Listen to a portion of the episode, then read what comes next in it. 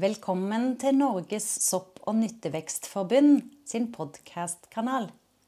Denne gangen har vi gått inn i samarbeid med gutta fra Sankeren og Kokken, og vil lage en serie der hver enkelt art får sin egen episode.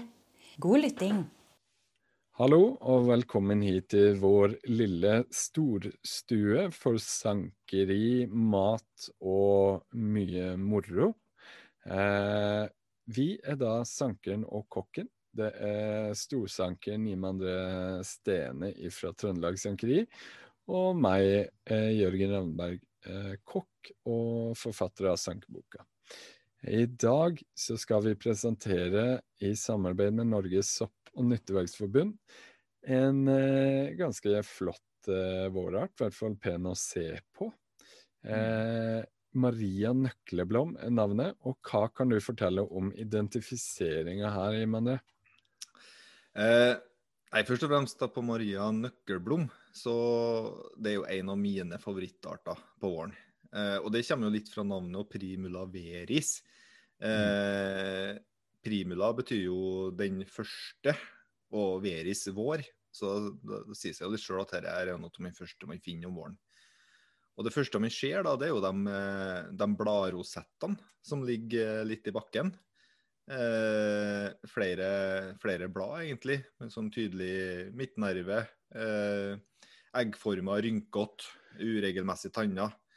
Eh, og da er det egentlig bare å vente til stilken skyter litt fart og blomsten kommer. Og det tar ikke lange tida, da, altså. Så her, her, snakker vi helt begynnelse av eh, mai, i hvert fall her i Trøndelag.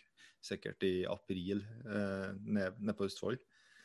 Mm. Eh, man kan jo bruke de, de bladene der òg, men jeg venter hovedsakelig til blomsten skyter fart. da. Og da kommer det opp mange sånne fine, gule blomster av den marianøkkelblommen. Eh, gullgul, og setter en liten skjerm på toppen. Eh, samtidig, den styrken, den er, den er stiv og hårete. Og det som gjør det litt ekstra artig i en sankersperspektiv, er da, med den stive stilken, dette er en veldig enkel blomst å plukke. Den liksom, Du kniper den av som en løvetann, nesten. Litt sånn samme ja, litt samme som en løvetann. Så her er det bare ut og plukke. Og de kommer ofte i litt sånn enkelte områder, for så er det ganske sånne store matter med marienøkkelblom. Og da er det bare å sette seg ned og plukke blomster, altså. Det er mm. skikkelig vårtegn. Mm. Her snakker vi rett før ramsløken og bare Åh, det er så herlig. Jeg klarer ikke å beskrive det. Eh, men da gjelder det å ha med seg litt utstyr òg, da. Eh, man må ha med noen poser. Eh, Zipp-poser. Jeg har jo masse forskjellige typer poser til planter. Her er de som eh, er smal, men litt lang, som jeg bruker. Eh, 15 cm i bredde og 40 cm i høgde. Kjempefin. Eh, plukke, ta, ta, litt sånn sprute, jeg sånn sprutflaskevann som jeg spruter litt på en sånn papirdott og legger nederst nedi den Zipp-posen. Og så er det bare å nappe med seg 50 sånne Maria nøkkelblom i en fin bukett. Skyv forsiktig ned i den fine posen. Eh, ha igjen. Og så er det å ta fram eh, ballongpumpa. Jeg regner med folk flest tar med seg ballongpumpe ut på, på nyttevekstsanking. Pumpe i litt luft og, og legge en eh, Jeg bruker sånne Ikea-bager og legge de posene i. Man kan også blåse nedi der. Det går fint, det. Og man må ikke ha en ja. ballongpumpe. Det er jo eh, Men eh, bare for å skyte inn litt der, grunnen til at man gjør det, er jo mm. fordi at ved å føre inn luft og eh, fuktighet i form av det fuktige papiret der, mm. eh, når de stilkene da er helt avklipt og rå, så er det mm. akkurat som med eh, blomster som man tar vare på i en, i en vase. Da, mm. de, da, vil de suge til seg vann, og så mm. fortsetter det et sånt eh, En sånn mini-økosystem eh, inni der som ikke vil vare like lenge, fordi at selv om de får vann, så får de jo ikke næringsstoffer, og som regel ikke lys. Men det her gjør jo at de eh, jukseholder seg i live i ca. en uke, egentlig. Mm. Mm. Eh, så det er derfor vi har det fuktige papiret inne. Mm. Og Det er det jeg opplever jeg også når jeg legger dem da på kjøl i ettertid. Så, så holder de fint, i hvert fall i uke, de blomstene. altså. Mm. Eh, så jeg, jeg leverer her mye til, til restauranter på våren. Og da eh, bruker jeg å ta dem én eller to dager før levering, og da har de fortsatt en sånn fem dager der de kan, kan bruke det da, når det er levert der. Mm. Så, og dette bruker jeg sjøl på Tru eller Jørgen. Dette tar litt Maria Nøkkelblom og hiver på toppen av salaten min til tacoen og, og det som er. Eh, for det er så enkelt.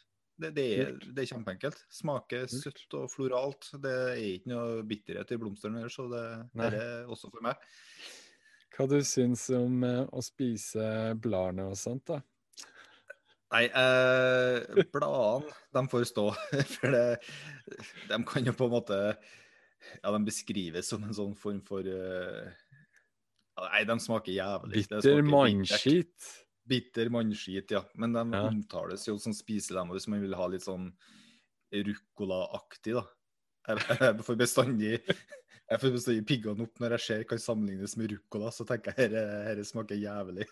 ja, for altså eh, Det jeg syns man kan sammenligne med ruccola, det er jo type karsearter. Mm. Eh, for det er jo denne sennepsolja, krydra sennepsoljesmaken. Men jeg, får, jeg, skjønner hva du mener, det der med å få piggene opp når de sier ruccolaaktig. For man mm. kan ikke si at alt som er bittert og kjipt, smaker som ruccola.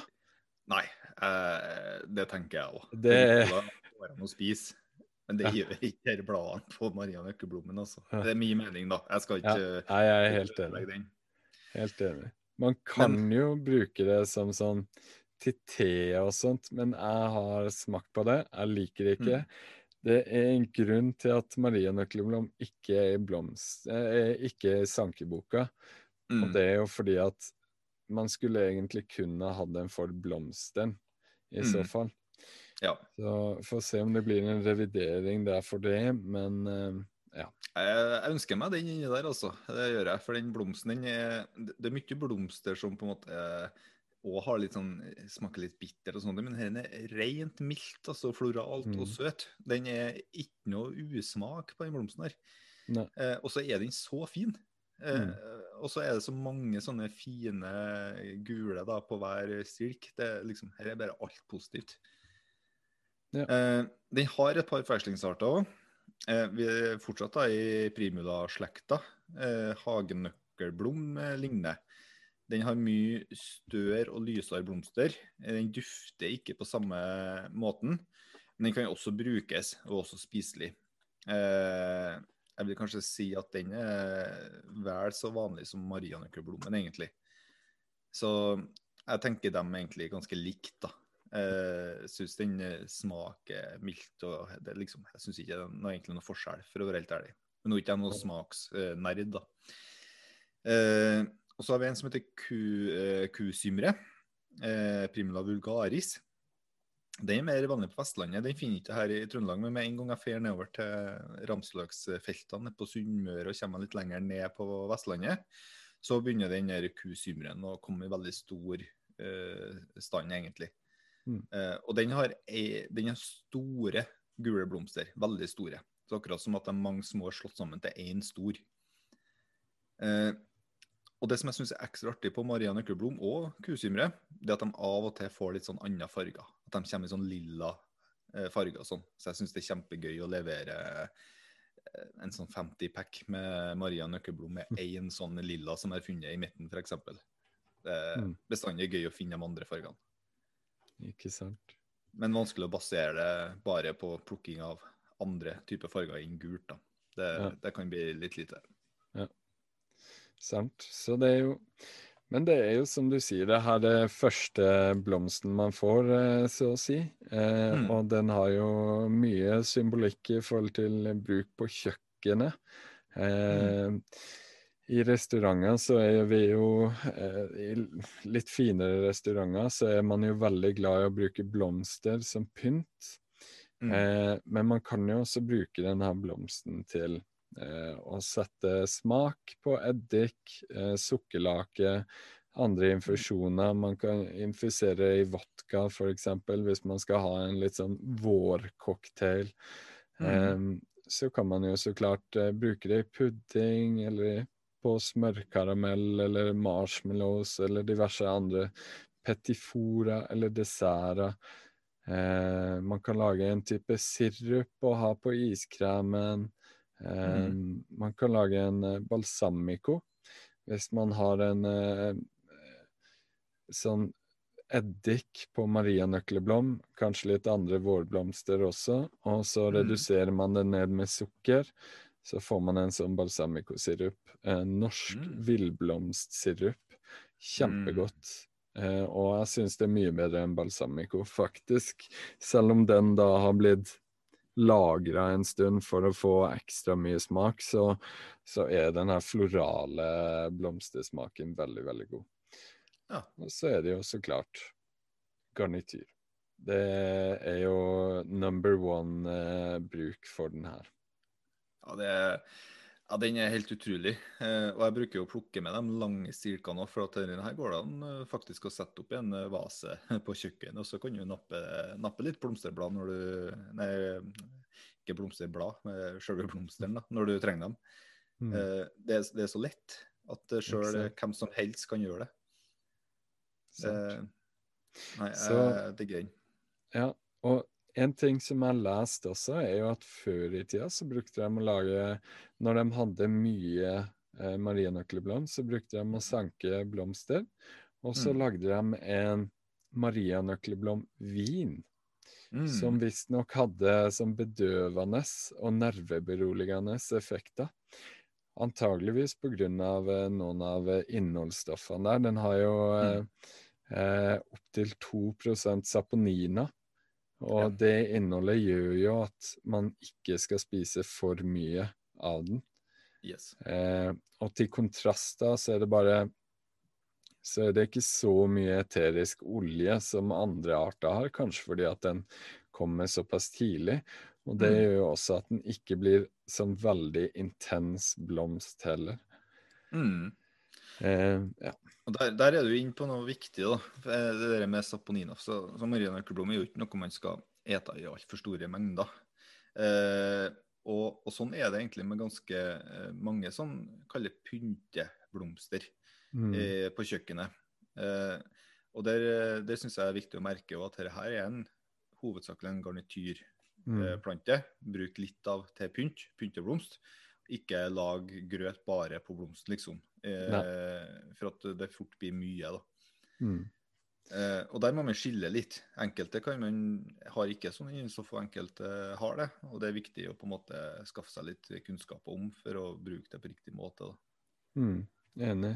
Si for eksempel eh, forglemme, da. Mm. Eh, du skal ikke spise forglemme-puré, eh, men eh, Den er jo kjempevakker å bruke på kaker eller desserter eller generelt som pynt. Eh, mm. Og det skader jo ikke når man spiser så små mengder. Om du bruker det som en garnityr eller til en cocktail eller et eller annet, og ikke spiser de her blomstene i grøtformat i en uke i strekk, så er ikke det her noe skadelig. Eh, man må jo tenke at det finnes jo eh, frukter i dagligvarebutikken som man heller ikke skal spise så ofte. Men mm. allikevel så selges det fritt på butikken, men det er jo fordi at én, det er ingen som har lyst til å spise marienøkkelblomgrøt hver dag i en uke. To, de aller fleste vet at ting skal være i moderasjon. Eh, mm. Og nummer tre, det har egentlig ikke skjedd noe farlig med det, selv om det inneholder kjipe stoffer. Si mm. f.eks. rabarbra som selges fritt, det er jo, det er jo ikke det, det, er ingen skadelig Det er ingen som har dødd av å kjøpe rabarbra på Meny og spise for mye av den, selv om mm. den har veldig mye oksalsyre og er ganske skadelig hvis man spiser store mengder av den. Mm. Så der er det viktig å få fram at selv om det blir opplyst om innholdsstoffer, så må man ha litt skjønn på det, og bare tenke seg litt eh, ekstra om. Eh, mm. Det går bra. Ja, det gjør det. Eh, ja. Og, vi, vi, har jo, det er jo som du sier, vi har mange sånne. Og mm. når det er pynteplanter, så er det liksom ikke noe Det er ikke noe case. For glemmer jeg var jo én. Tiril Tunge er én. Eh, eh, Maria Nøkkelblom. Eh, hvordan flere har vi, da? som skal- Rødhyll, svarthyll. Mm. Mm. Eh, selv om eh, det blir i stor grad eh, eh, brutt ned når det kokes, eh, Mm. så er det jo fremdeles reststoffer. Men, men alt i moderasjon så er det egentlig greit. Det er Ja. Det er ikke farlig. Man må bare huske på at innholdsstoffene er faktisk bare informasjon. Mm. Eh, det vi skulle sett og ønske og håpa, er jo at det blir litt eh, mer forskning på det, så man vet Mm. litt mer tydelig og finner sånne referansepunkter. Det har det jo begynt å bli på tang og sånt. Eh, men nyttevekster er enda til gode å faktisk gjøre det her på. Men eh, ja, så der eh, Jeg syns det er et kjempegodt poeng, for at det, det går igjen på veldig mye at det står i en del litteratur og sånne ting. F.eks. inneholder saponina kan være, kan være giftig, f.eks. Så sto Mhm. de der. Men så står det ikke om hvor, hvor store mengder må egentlig til, hvordan kan Nei. dette sammenlignes eh, med. Eller- eh, Eller Ja. hvilke saponina også. For Mm. de er jo Saponina i seg sjøl er jo ikke De varierer jo. Saponina generelt er det her som man tilsetter i såpe og diverse, er ansvarlig for mye av skumminga og sånne ting. Eh, og i store mengder så er det farlig, men visse er jo verre enn andre. Og det har veldig mye å si hvor mye saponina det er i arten. mm. Så Og der jeg leverer i hvert fall Maria Nøkkelblom, så er det, da er det brukt til garnityr. Det er en, eh, en forrett eller en middagsrett der det er lagt på tre til fire små blomster for å pynte Mm. opp litt. Eh, Mm. Og ikke ha, det har ikke noe skadelig virkning å, å bruke dem på den type måtene. Og så er det jo det om eh, de her saponinene blir forsterka eller forminska sammen med noe annet. Vi vet Mm. jo f.eks. at oksalsyre blir ganske uskadelig gjort hvis du binder det opp med melk på noen måte, eller inntar det med melk. Mm. Eh, er det noen måte å spise saponina på som eh, fungerer på samme måte? Det vet vi jo ikke. Så Mm. nei, det er enda mye vi må eh, lære her. Men eh, foreløpig så er det helt fint å bruke blomster som garnityr. Eh, Mm. I hvert fall dem vi anbefaler. Ikke alle, men eh, dem vi anbefaler. Også på Nyttevekstforbundet, ikke minst.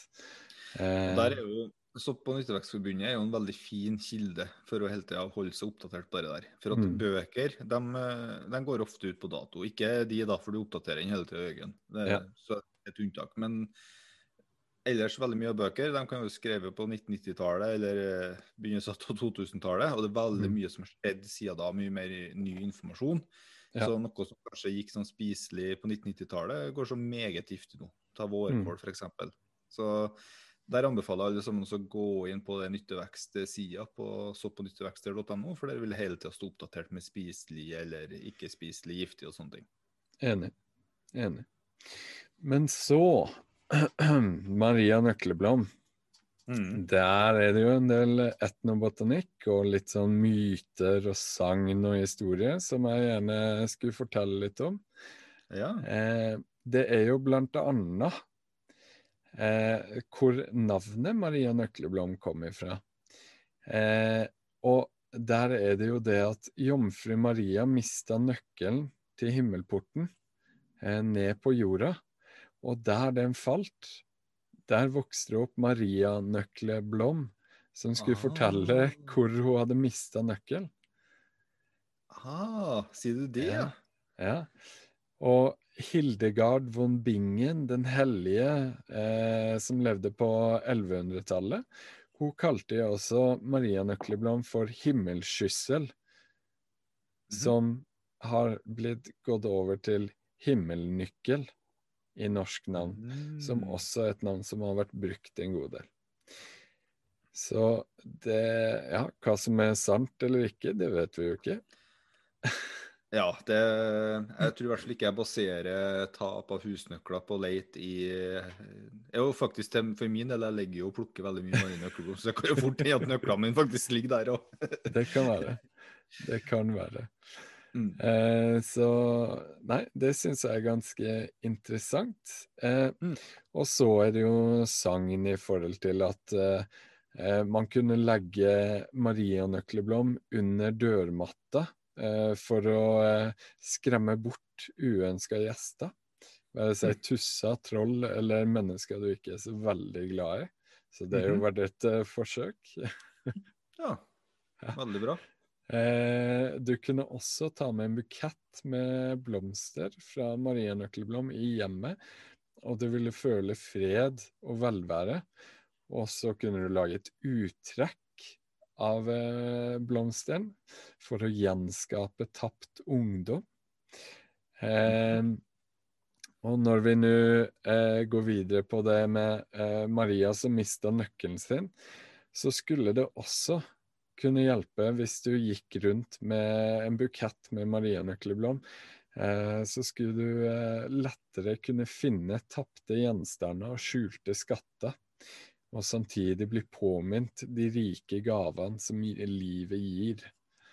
Eh, akkurat hva det vil si, det vet jeg ikke. Kanskje det var skjønnheten i blomsten som minner deg på livets skjønnhet. Det kan være. Hmm. Men eh. Og så hadde den jo har, Den har jo mye historie som eh, en eh, legende urt også.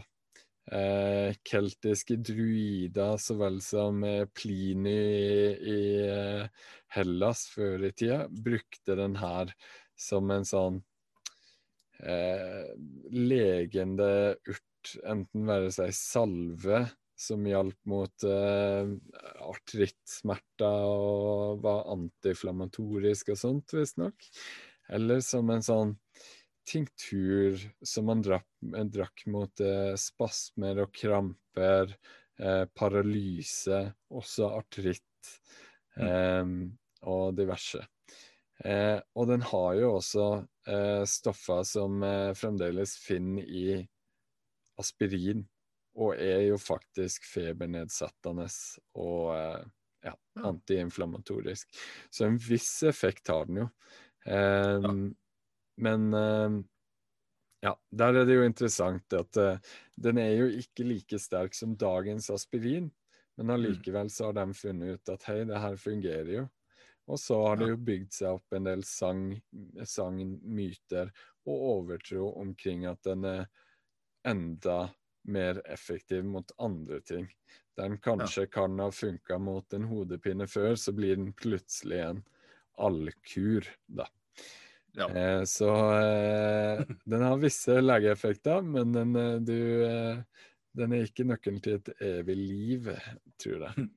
Ikke nøkkelen til, nei. Den var, det var fint oppspill, Jørgen. Ikke sant?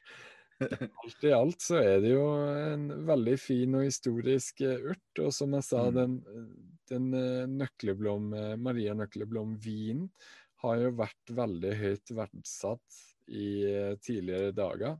Og var en sånn luksusvin som var enda mer eh, verdifull enn da hylleblomstvin eller lignende. Og Maria. Nøkleblom-vin eh, ble til og med lagd som en sånn boblevin. Så en eh, Mm. tidlig en forløper til champagne, da, før i tida. Ja. Så Men, eh, I Ja. forhold til vin og saponina og store mengder, hvordan, Mm. eh, hvordan eh, Det høres jo ikke helt bra ut, da. Nei, eh, de drakk jo sikkert ikke Altså, vin før i tida eh, var Mm. jo mer en luksusvare. Edle dråper. Eh, det her var noe man drakk hvis man fikk fine gjester eller eh, lignende. Og så Mm. drakk man bare et sånt, ikke et snitt engang. OK. Er snakk om én desiliter eller mindre i sånne små fløyteglass, flutglass. Ehm, så det var mye mer vanlig å drikke type øl, eller eh, hvis man går langt nok tilbake, mjød.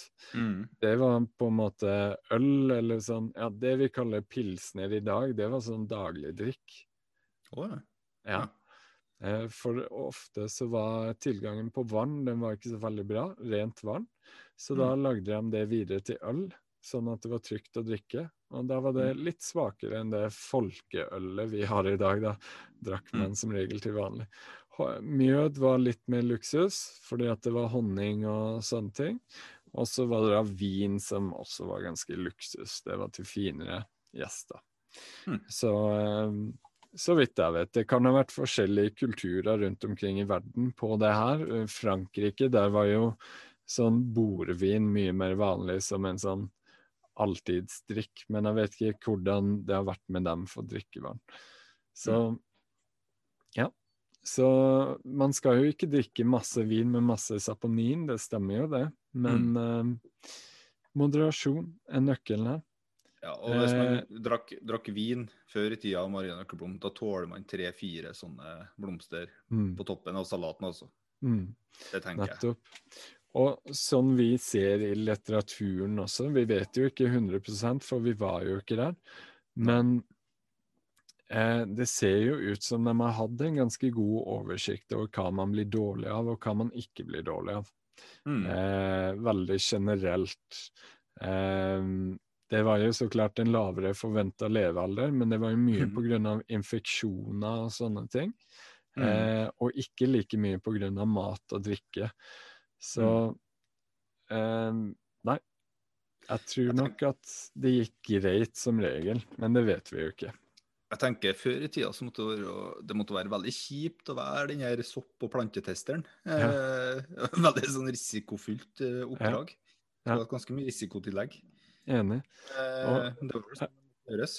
Ja, og jeg lurer på hvor lenge siden det er de faktisk gjorde det. Hvor lenge de fikk kartlagt det her.